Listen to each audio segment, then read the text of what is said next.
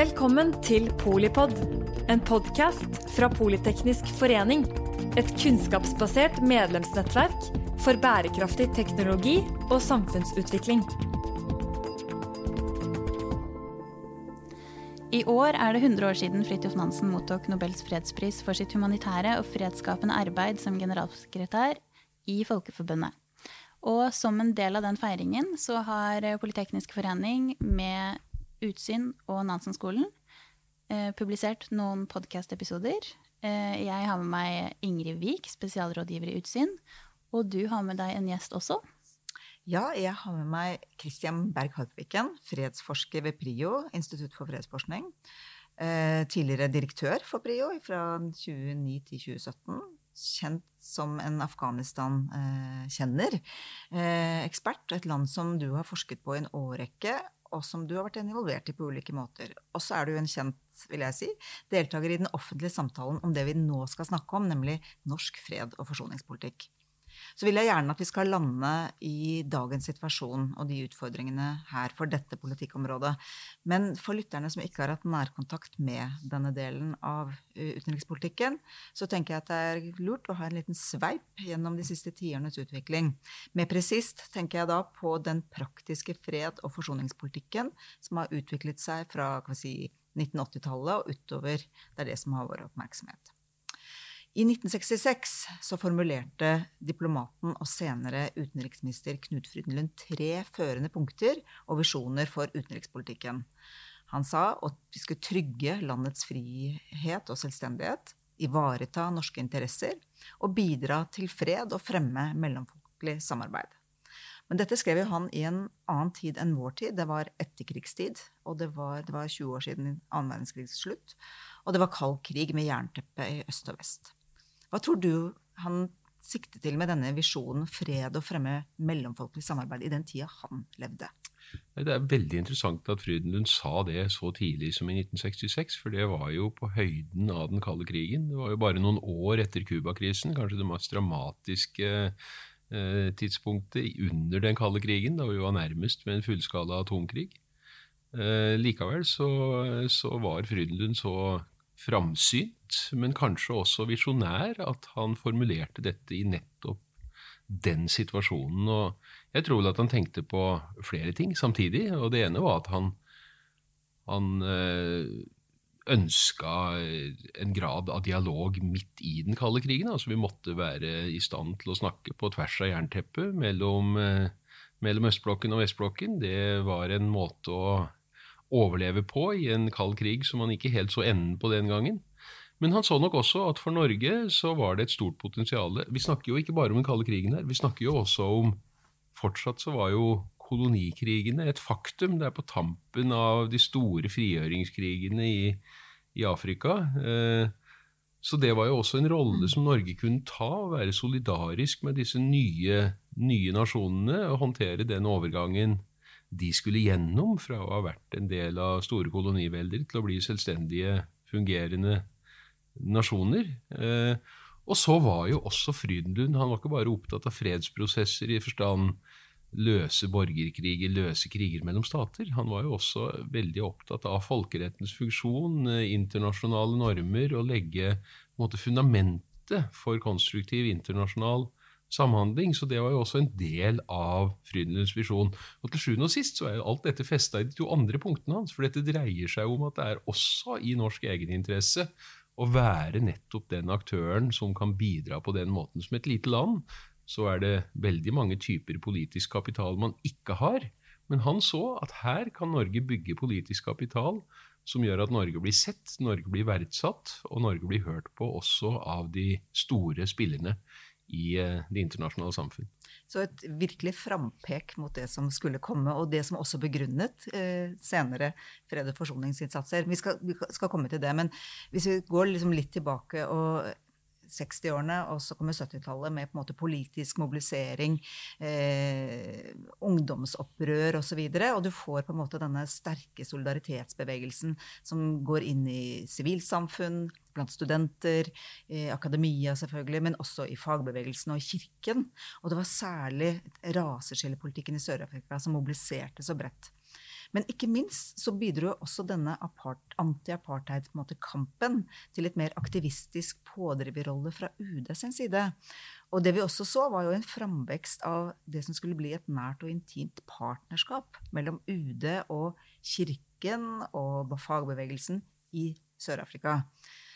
Og der ser vi kanskje starten på det, denne samarbeidsformen som vi ofte refererer til som den norske modellen. Og hva er den norske modellen, Kristian? Altså for det første, Det du sier er jo veldig, veldig, godt sett. for Jeg tror mange vil peke på begynnelsen av 90-tallet som bruddpunktet, men det er en kontinuitet med det som vokste fram fra slutten av 60-tallet, begynnelsen av 70-tallet, med sterke solidaritetsbevegelser. Og så har Sør-Afrika det særegne med seg at det er mer konsensusorientert i det norske samfunnet enn veldig mange av de andre solidaritets Eh, bevegelsen man hadde på det punktet. For vi hadde jo, vi hadde jo Vietnam, vi hadde flere andre, men Sør-Afrika det er ikke så veldig mange i det norske samfunnet som sier at nei, vi må støtte opp om apartheid. Eh, og Kirka blir en sentral aktør, men det er jo også sentrale aktører langt utenfor Kirka og på tvers av de fleste politiske partier. Og du får en del aktivister, vil jeg si, internt i Utenriksdepartementet, som står i bresjen og gjør en god jobb i veldig nært samspill med enkeltaktører i sivilsamfunnet, inkludert, eh, inkludert Den norske kirke. Og det skjer på bakken. altså Det er utsendte norske altså statsansatte på bakken i Sør-Afrika sammen det, med norske prester og osv. Ja, det er rett og slett det det er. Så dette er ikke nødvendigvis noe som det styres fra toppen av Utenriksdepartementet, fra utenriksministeren eller for den saks skyld departementsråden. Dette vokser fram på ganske mange måter organisk, men det blir jo grunnlaget for det som man seinere skal komme til å kalle den norske modellen, som jeg nok syns er et ganske problematisk eh, konsept, men som likevel sier noe om hvordan fredsarbeidet til Norge utvikla seg fra 70-tallet og framover, og hva som var den dominerende måten å gjøre det på 1990-tallet. I dag er det nok en annen historie. Mm, mm. Men hvis vi da uh, går litt videre, og så ser vi tøvær uh, mellom Vesten og Sovjetunionen på 80-tallet. Og det skjer jo store endringer som også påvirker Norges rolle i verden. Altså, vi velger jo å si nei til EU i 1972. Um, Eh, det gjentar vi jo da på begynnelsen av 90-tallet. Eh, men den geopolitiske virkeligheten eh, gir den et handlingsrom for Norge, og, og, og selvfølgelig da norsk økonomi og oljeøkonomi osv. Dette handlingsrommet, det var viktig for at Norge på en måte tenkte sin rolle på nytt, kan man si det? Ja, det er jo mange faktorer som bidrar til dette, men jeg tror den viktigste enkeltfaktoren er jo at den kalde krigen avsluttes mm. med Sovjetunionens oppløsning i 1991, og det som var en global supermakt, er plutselig en eh, dverg på den verdenspolitiske arenaen som ikke har noen ambisjoner, og ikke har ressurser til å forfølge noen ambisjoner heller, utover å klare å håndtere innenrikspolitiske problemstillinger og forhold til sine nærmeste naboland. Så plutselig så er det jo USA som er den eneste eh, globale supermakten. Norge har et godt forhold til USA. Men det aller viktigste er jo at med slutten på den kalde krigen så blir jo mange av disse konfliktene som har vært eh, fastfrosne i mange år, kanskje flere tiår, blir plutselig mulig å håndtere. Eh, veldig mange av fredsslutningene på 90-tallet skjer jo nærmest organisk. Afghanistan 1992, Sovjetunionen har kollapsa, kommunistregimet i Kabul kan ikke overleve.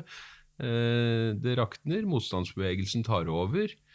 Eh, og, og i det tilfellet så er jo både USA og Sovjetunionen, eller arvtakerstaten Russland, borte. Men Sør-Afrika kan man heller ikke forstå uten, uten, å se dette geopolitiske skiftet, for plutselig med den kalde krigen eh, borte, supermaktkonflikten borte, så blir det egentlig umulig for apartheid-regimet å holde seg i salen. Dialogen har allerede starta, men triggeren for at det blir en fredsslutning eh, når den kommer på begynnelsen av 90-tallet, det er slutten på den kalde krigen.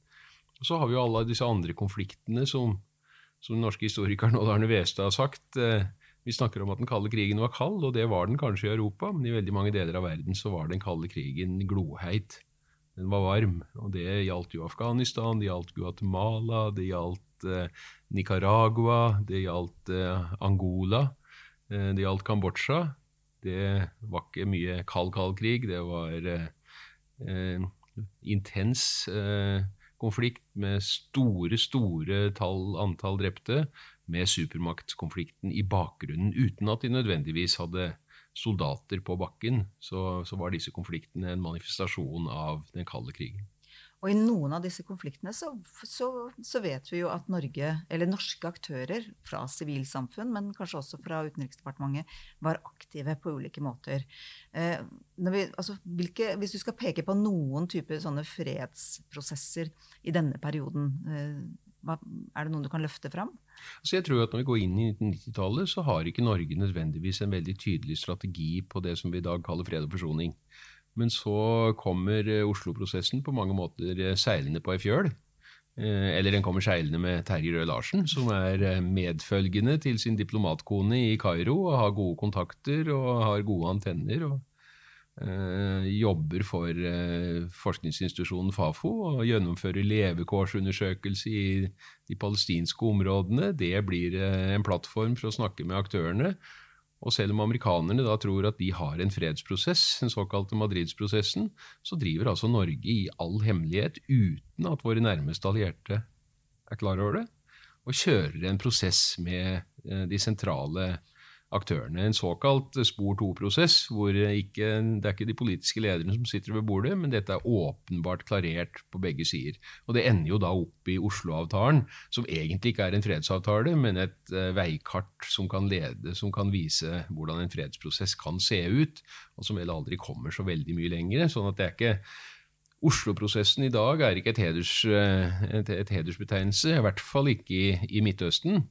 Men for Norge så ble det på mange måter eh, avgjørende for at man så at her er det mulig for Norge å innta en rolle, og da gikk man inn i andre prosesser. Og faktisk med det samme utgangspunktet. Det var veldig gjerne flinke folk med gode kontakter, gode politiske antenner, som ikke jobbet i Utenriksdepartementet, som plukket opp muligheter. Det samme skjedde i Guatemala, førte fram til en fredsavtale i 1996.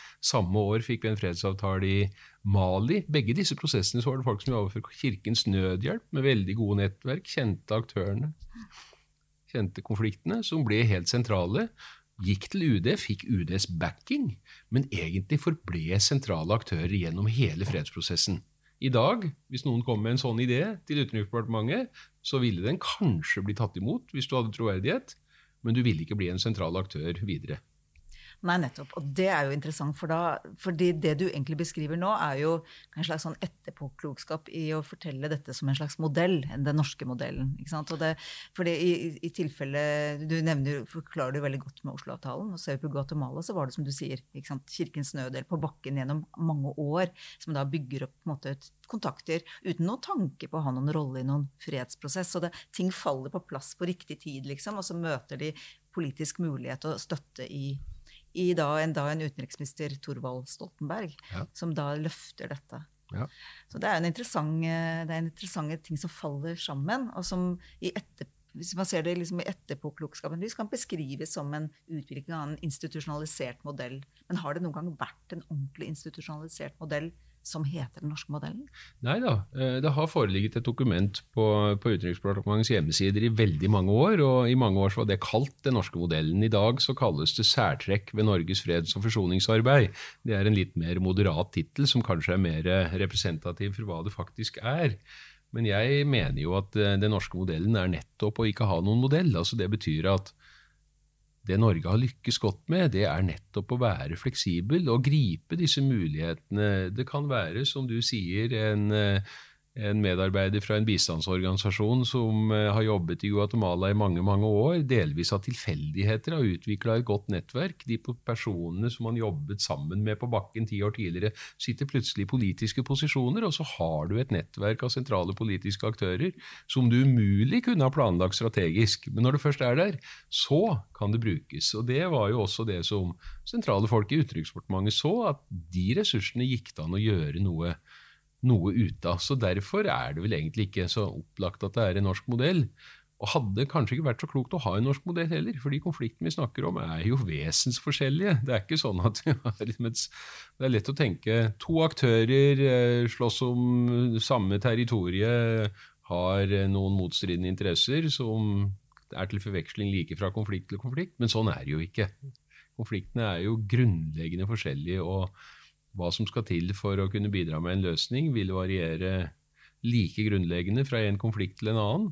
Og Derfor så er jo den norske fleksibiliteten egentlig klok, og derfor sier jeg at den norske modellen er nettopp å ikke ha en modell, og det er egentlig en kvalitet. Og så går da 90-tallet, som vi ofte, i hvert fall når man ser tilbake, tenker på en slags håpefullt eh, tiår. Selv om det som du sier, var mye virkelig manifestkonflikt. Vi hadde jo også da en krig i Europa, på Balkan. Eh, og så får vi eh, 9-11, altså eh, angrepet eh, i USA, som da endrer eh, veldig mye av eh, måte, norsk, eller norsk politikk, selvfølgelig, men verdenspolitikken endrer seg. Geopolitikken endrer seg. Og vi får da denne krigen mot terror. Mm. og hva betyr det for norsk fred- og forsoningspolitikk? Vi, endrer det noe på det tidspunkt? Det endrer først og fremst hva slags virkemidler Norge bidrar med inn i eh, konfliktsituasjoner. Og I en viss forstand så vokste dette alle fram allerede med Balkan. For det er klart Norge var militært eh, engasjert også på Balkan. Men med intervensjonen i Afghanistan høsten 2001 så får det en helt annen kraft, og plutselig blir Norge en sentral eh, militær aktør. Det blir viktig for Norge å være til stede militært.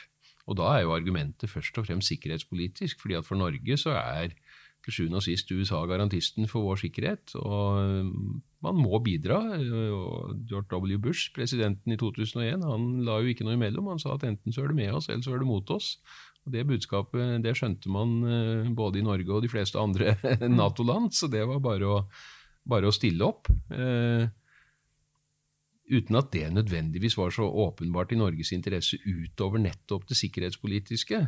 Men samtidig, når man først har norske soldater på bakken i et uh, konfliktland uh, og Afghanistan ganske rolig etter intervensjonen i 2001, så fort Taliban var slått, så virka ikke det veldig farlig. Men ganske raskt så blussa jo konflikten opp igjen. sånn at du kommer fram til 2005-2006, så er jo norske soldater uh, utsatt og da blir det et eksistensielt spørsmål, og det som også dominerer både den norske politiske debatten og den norske offentlige debatten om eh, Afghanistan. Og så var det jo også et klima hvor det i Washington var umulig å si eh, dialog eller fredsprosess. Tanken på at man kunne snakke med Taliban var jo helt radioaktiv i Washington frem til 2010-2011.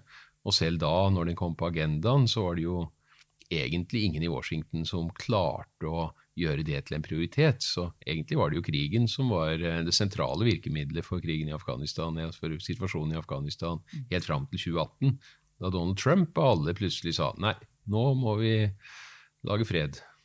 Og egentlig det han mente, nå må vi komme oss ut av denne krigen, for dette har vi tapt uansett.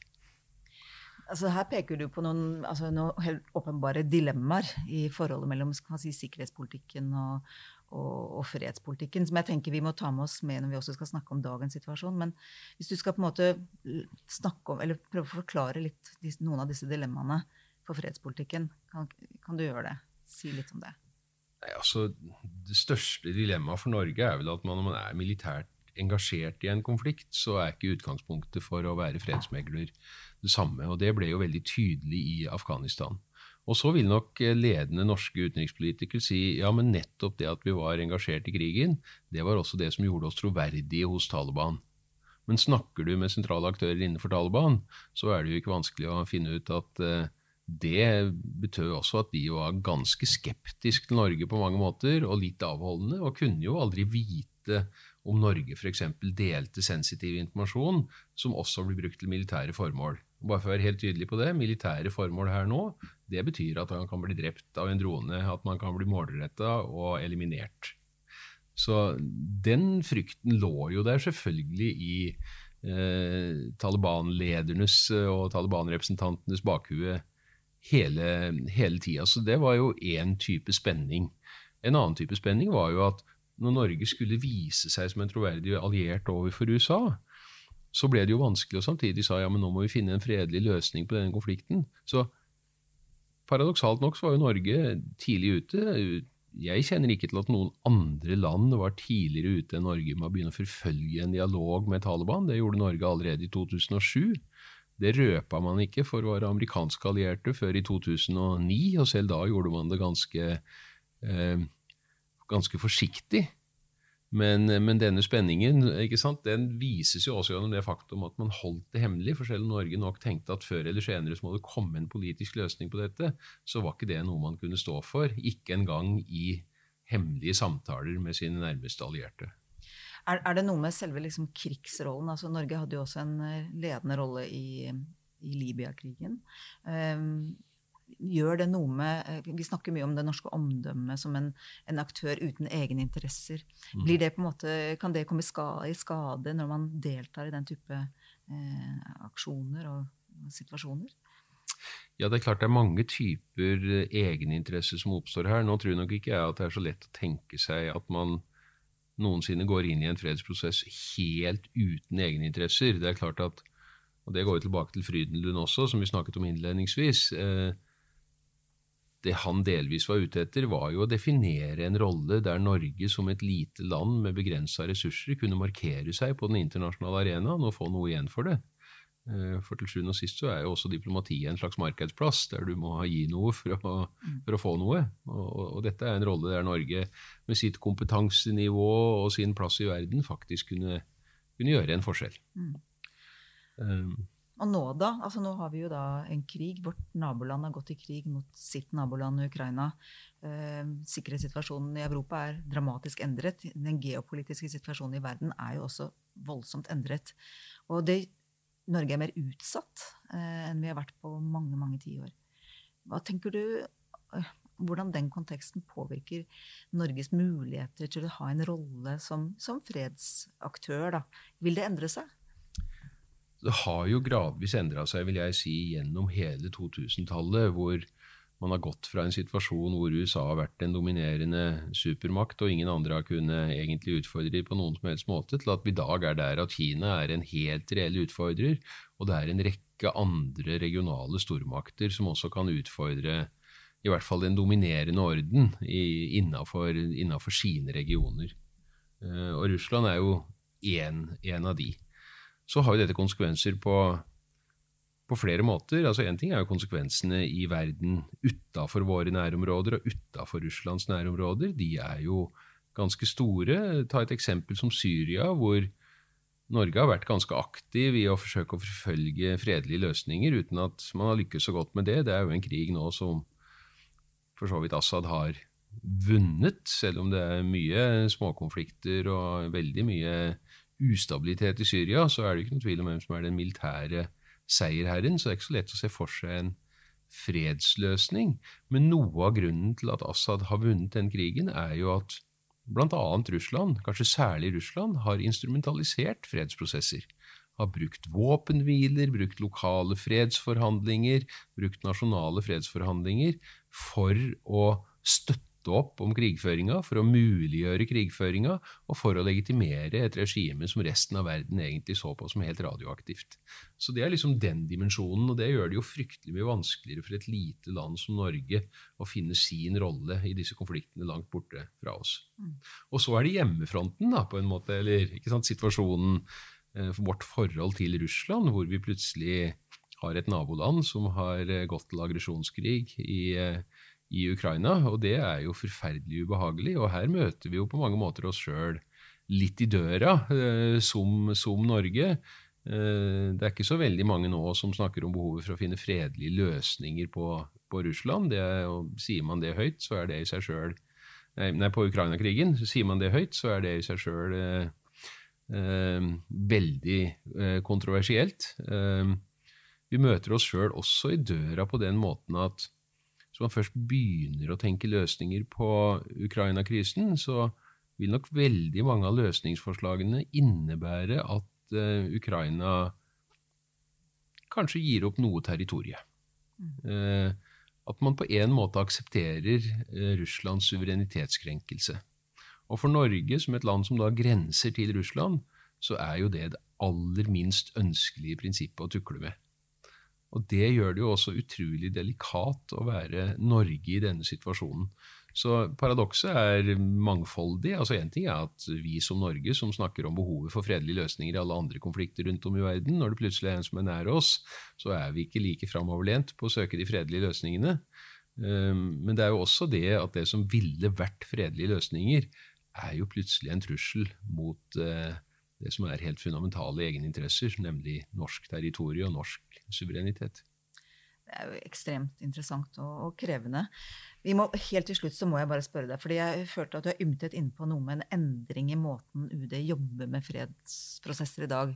Og jeg har en følelse at det handler kanskje noe om den profesjonaliseringen, og det at UD kanskje selv eh, gjør mer av det på egen kjøl. Er det, er det, det du tenker på? Ja, Norge, Norge, og UD har jo satt dette arbeidet i system på en helt annen måte. Det var eh, mer amatørskap og mer samspill mellom sivilsamfunn og, og, det jeg vil kalle enkeltaktivister i Utenriksdepartementet, som dominerte på 90-tallet. Det som vi ofte fortsatt kaller den norske modellen. Men fra og med 2001-2002 så har dette blitt profesjonalisert. Da oppretta man en ny seksjon i Utenriksdepartementet, seksjon for fred og forsoning som nettopp skulle drive, skulle systematisere erfaringer, men som ganske raskt vokste til å bli den eh, implementerende armen for Utenriksdepartementet på fredsprosesser. Og så betyr ikke det at ikke resten av Utenriksdepartementet er involvert, for det er man jo. Det finnes ikke en ambassade i det norske systemet som ikke relativt ofte er innom og gjør et eller annet grunnarbeid i forhold til en pågående fredsprosess som Norge er involvert i. Så hele systemet er jo med å drar dette, og det er en viktig del av virksomheten. Akkurat som det har vært en viktig del også når Norge nå har sittet i Sikkerhetsrådet de, de, de siste to årene, 2021-2022. Men denne profesjonaliseringa kommer jo også med et økende hemmelighold. Uh, og det er lett å skjønne at man ønsker det hemmeligholdet, for det er mange nok land som har uh, steinhogget på fredsprosesser fordi at de har vært uh, for åpne, eller det har kommet ut rykter som har underminert deres posisjon, men hemmeligholdet er jo veldig vanskelig å kombinere med dette organiske samarbeidet med sivilsamfunnet. Så jeg vil nok si at vi de siste 20 åra har sett en voldsom profesjonalisering av dette arbeidet, og dermed så er denne såkalt norske modellen, som går på frivillige aktører som går enkelt, fort, raskt ut og inn av svingdørene i Utenriksdepartementet og drar med seg sine nettverk, den er ikke en særlig god beskrivelse av hvordan dette arbeidet gjøres i dag. En stor endring der, altså. Tusen takk, Kristian eh, Berg Harpviken, for at du kom og delte din kunnskap om dette. Tusen takk, eh, Ingrid Wiik fra Utsyn og Kristian Berg Harpviken fra Prio. Mitt navn er Elise Antonissen, og jeg er programsjef i Politeknisk forening. Takk for at du lyttet til Polipod fra Politeknisk forening. Få med deg flere episoder eller bli med på nettverksmøtene som du finner på at polyteknisk.